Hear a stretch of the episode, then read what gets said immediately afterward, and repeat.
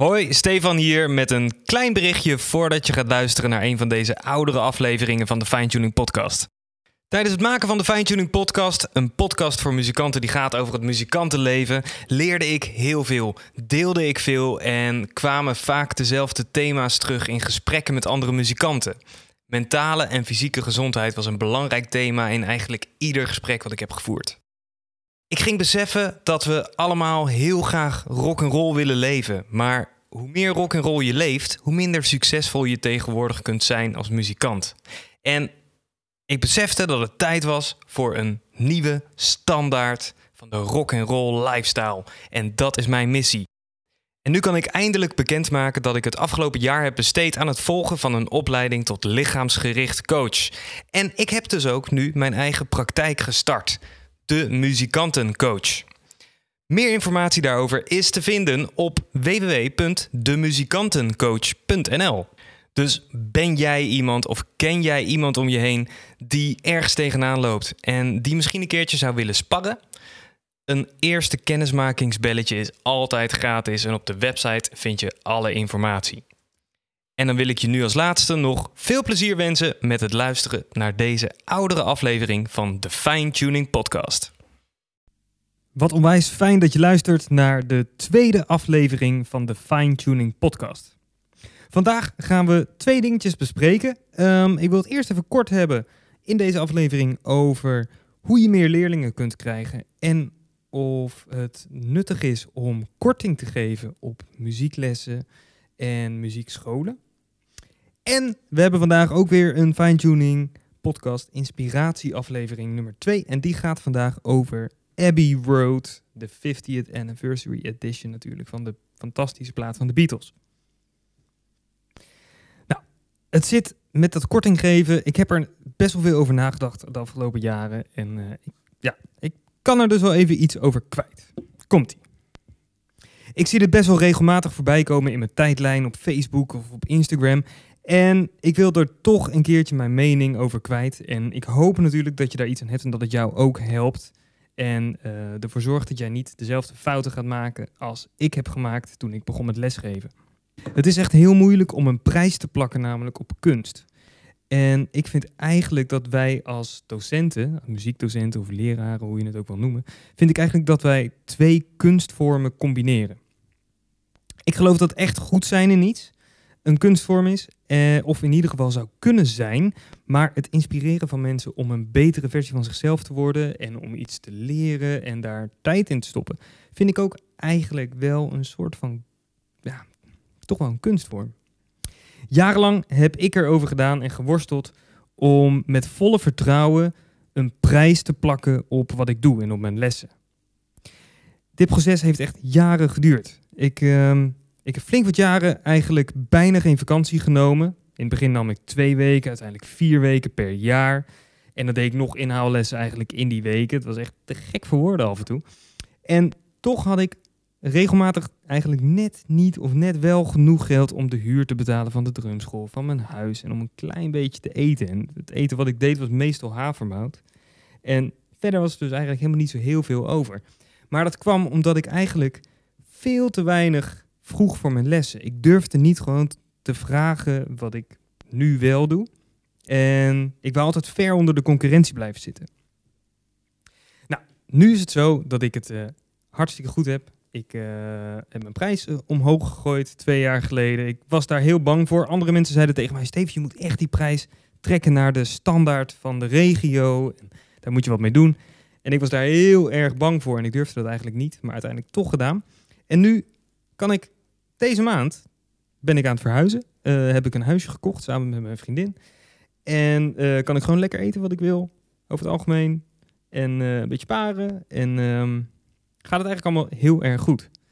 Dus nu komt eigenlijk um, de grote vraag.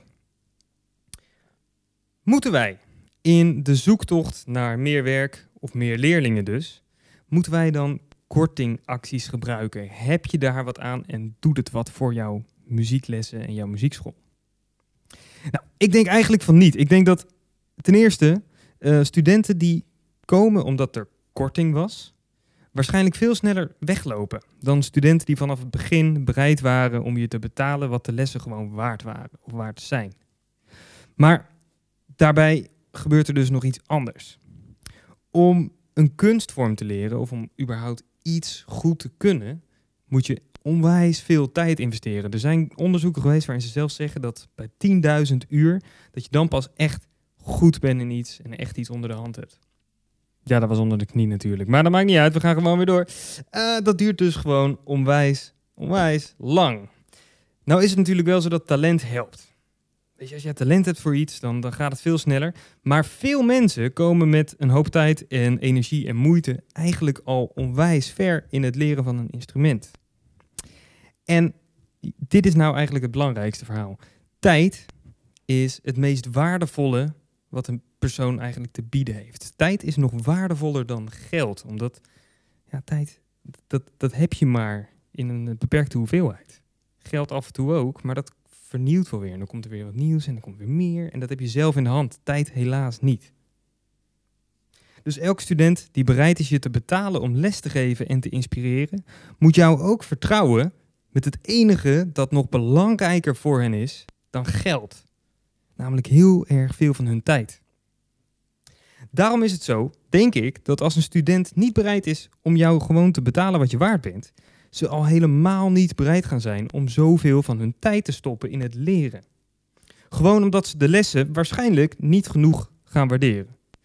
Dat is natuurlijk niet altijd zo, maar waarschijnlijk resulteert dit dus in uh, studenten die niet echt gaan oefenen, niet heel veel beter gaan worden, uiteindelijk zich gaan vervelen in de lessen en na, loop, na verloop van tijd stoppen met de lessen en waarschijnlijk daarna niet echt heel veel positieve reclame gaan maken voor jou of je school. Omdat het allemaal een beetje hm, hm, korting, ja, hm, dat was te doen.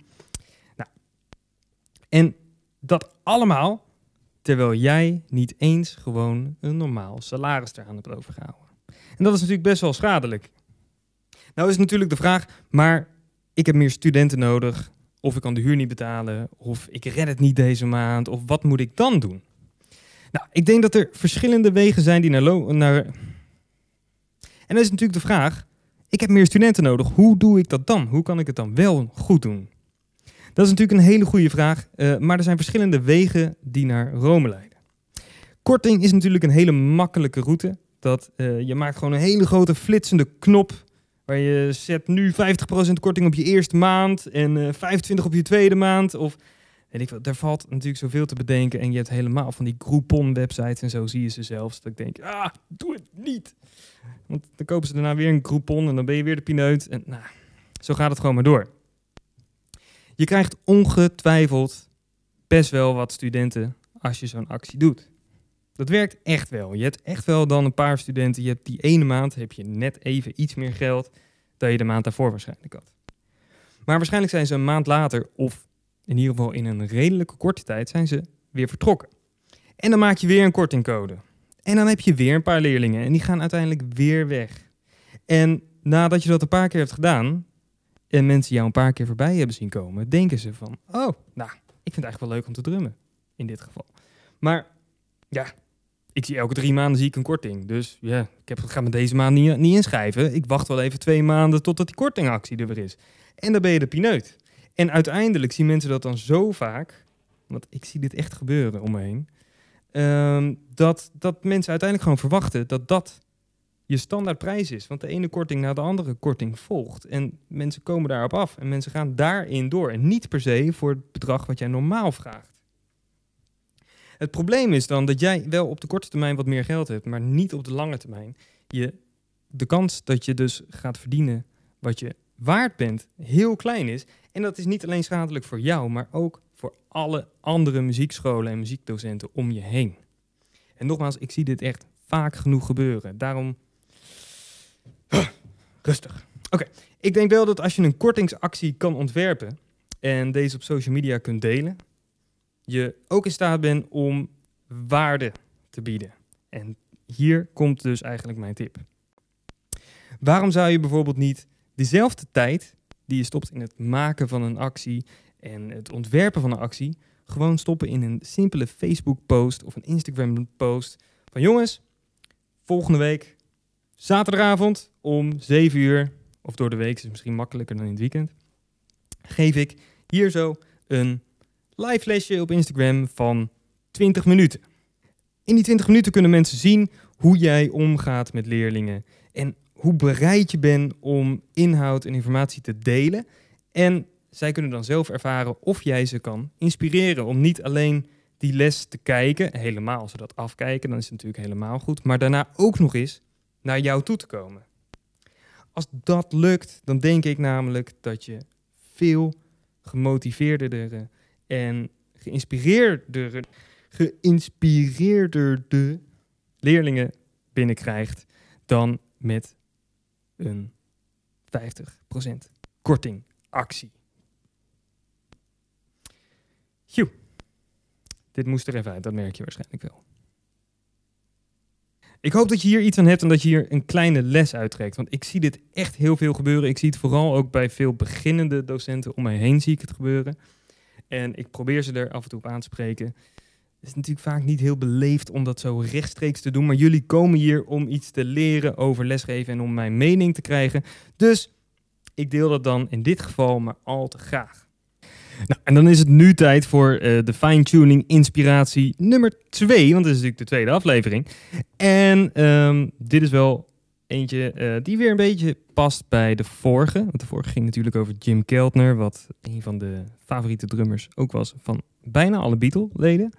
En dit keer is het uh, eigenlijk heel simpel, want nu gaat het over de Beatles. Want anderhalve week geleden de 27 van september kwam de Beatles Abbey Road 50th Anniversary. En nou is het net zo dat Abbey Road echt mijn favoriete plaat aller tijden is. Dus ik word hier heel erg gelukkig van. Er is eigenlijk natuurlijk geen reden nodig om uh, te luisteren naar de fantastische Abbey Road plaat. Maar toch zijn dit soort dingen, als het dan weer uitkomt. Dit is nu de derde 50th Anniversary box van de Beatles. En ik vind het eigenlijk elke keer weer een feestje. Nou, ik heb nu de 3 LP-box helaas nog niet besteld, want ik zit nu midden in een verhuizing, zoals ik al eerder had, uh, had gezegd. Dus ik wacht nog eventjes tot volgende maand, tot november, tot ik gewoon lekker in mijn vakantietje thuis kan zitten met mijn platenspelertje weer aangesloten en gewoon lekker op mijn nieuwe stekkie kan gaan luisteren naar de grote Abbey Road plaat.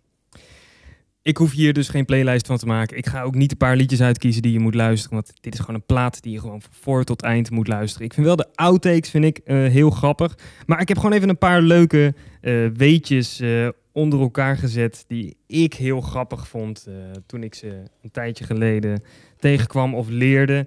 In, in alle boeken die ik heb van de Beatles. En alles wat ik heb gelezen en gekeken van ze. Dus um, er zijn een paar leuke, leuke algemene dingetjes. Mensen denken eigenlijk dat George Martin hier heel veel aan mee heeft gewerkt.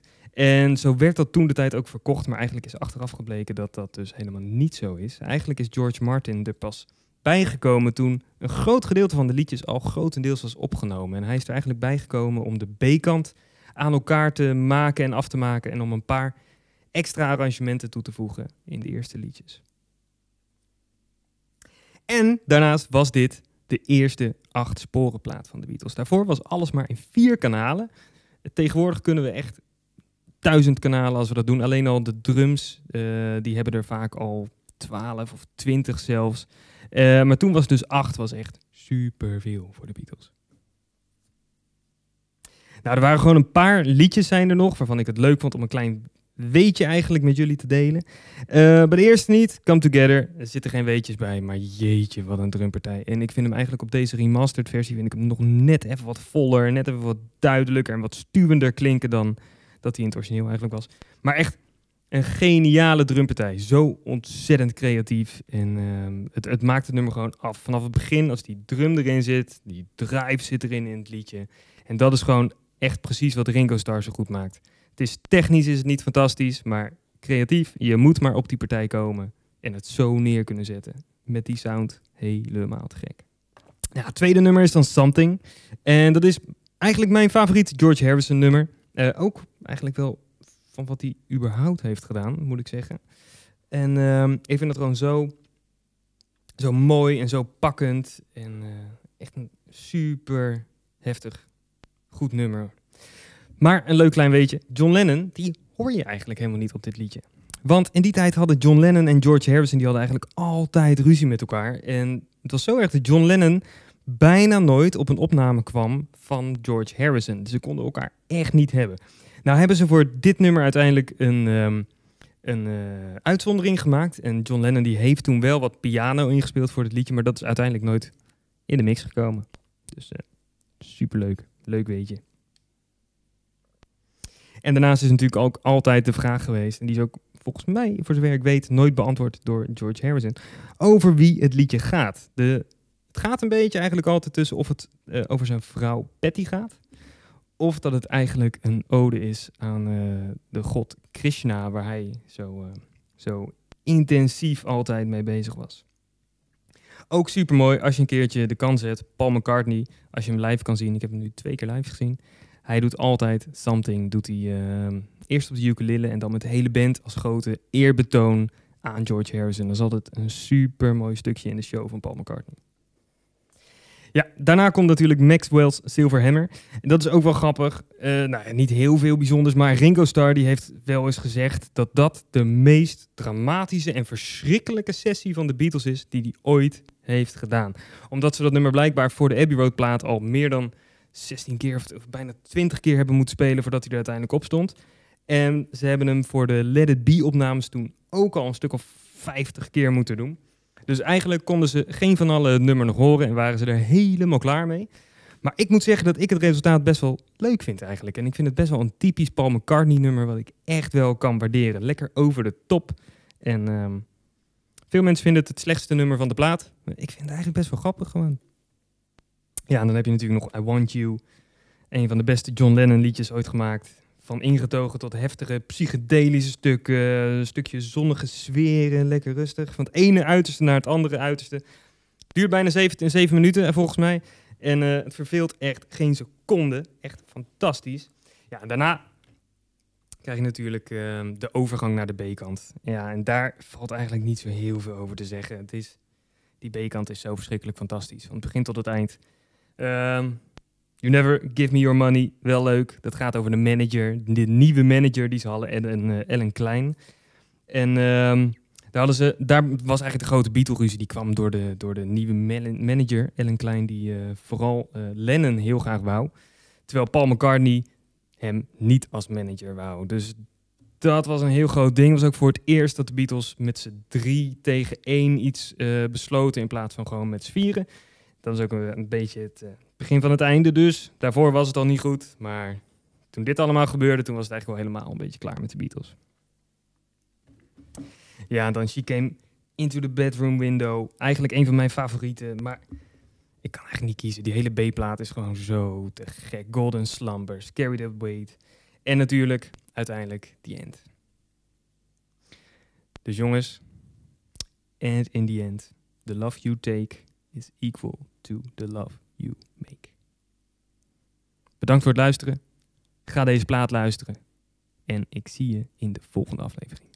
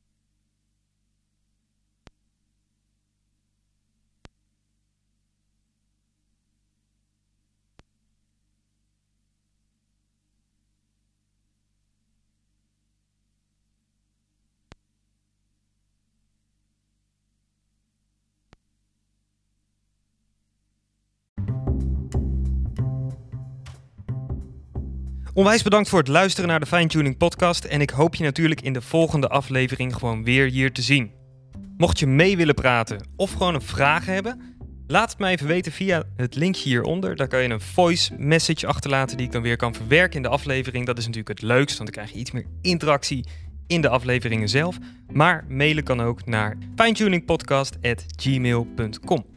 Ook kun je ons gewoon bereiken via Instagram of Facebook, via Fine Podcast of Stefan van der Brug. Nogmaals, onwijs bedankt voor het luisteren naar deze aflevering. Bedankt voor je tijd en ik hoop echt dat je hier iets aan hebt. Mocht je nou denken, ik heb echt iets aan deze afleveringen, laat alsjeblieft een review achter via de podcast app of klik even op het 5 sterren plaatje hieronder. Dan wens ik je voor nu een hele fijne dag verder en ik hoop je in de volgende aflevering gewoon weer te zien. Doei doei!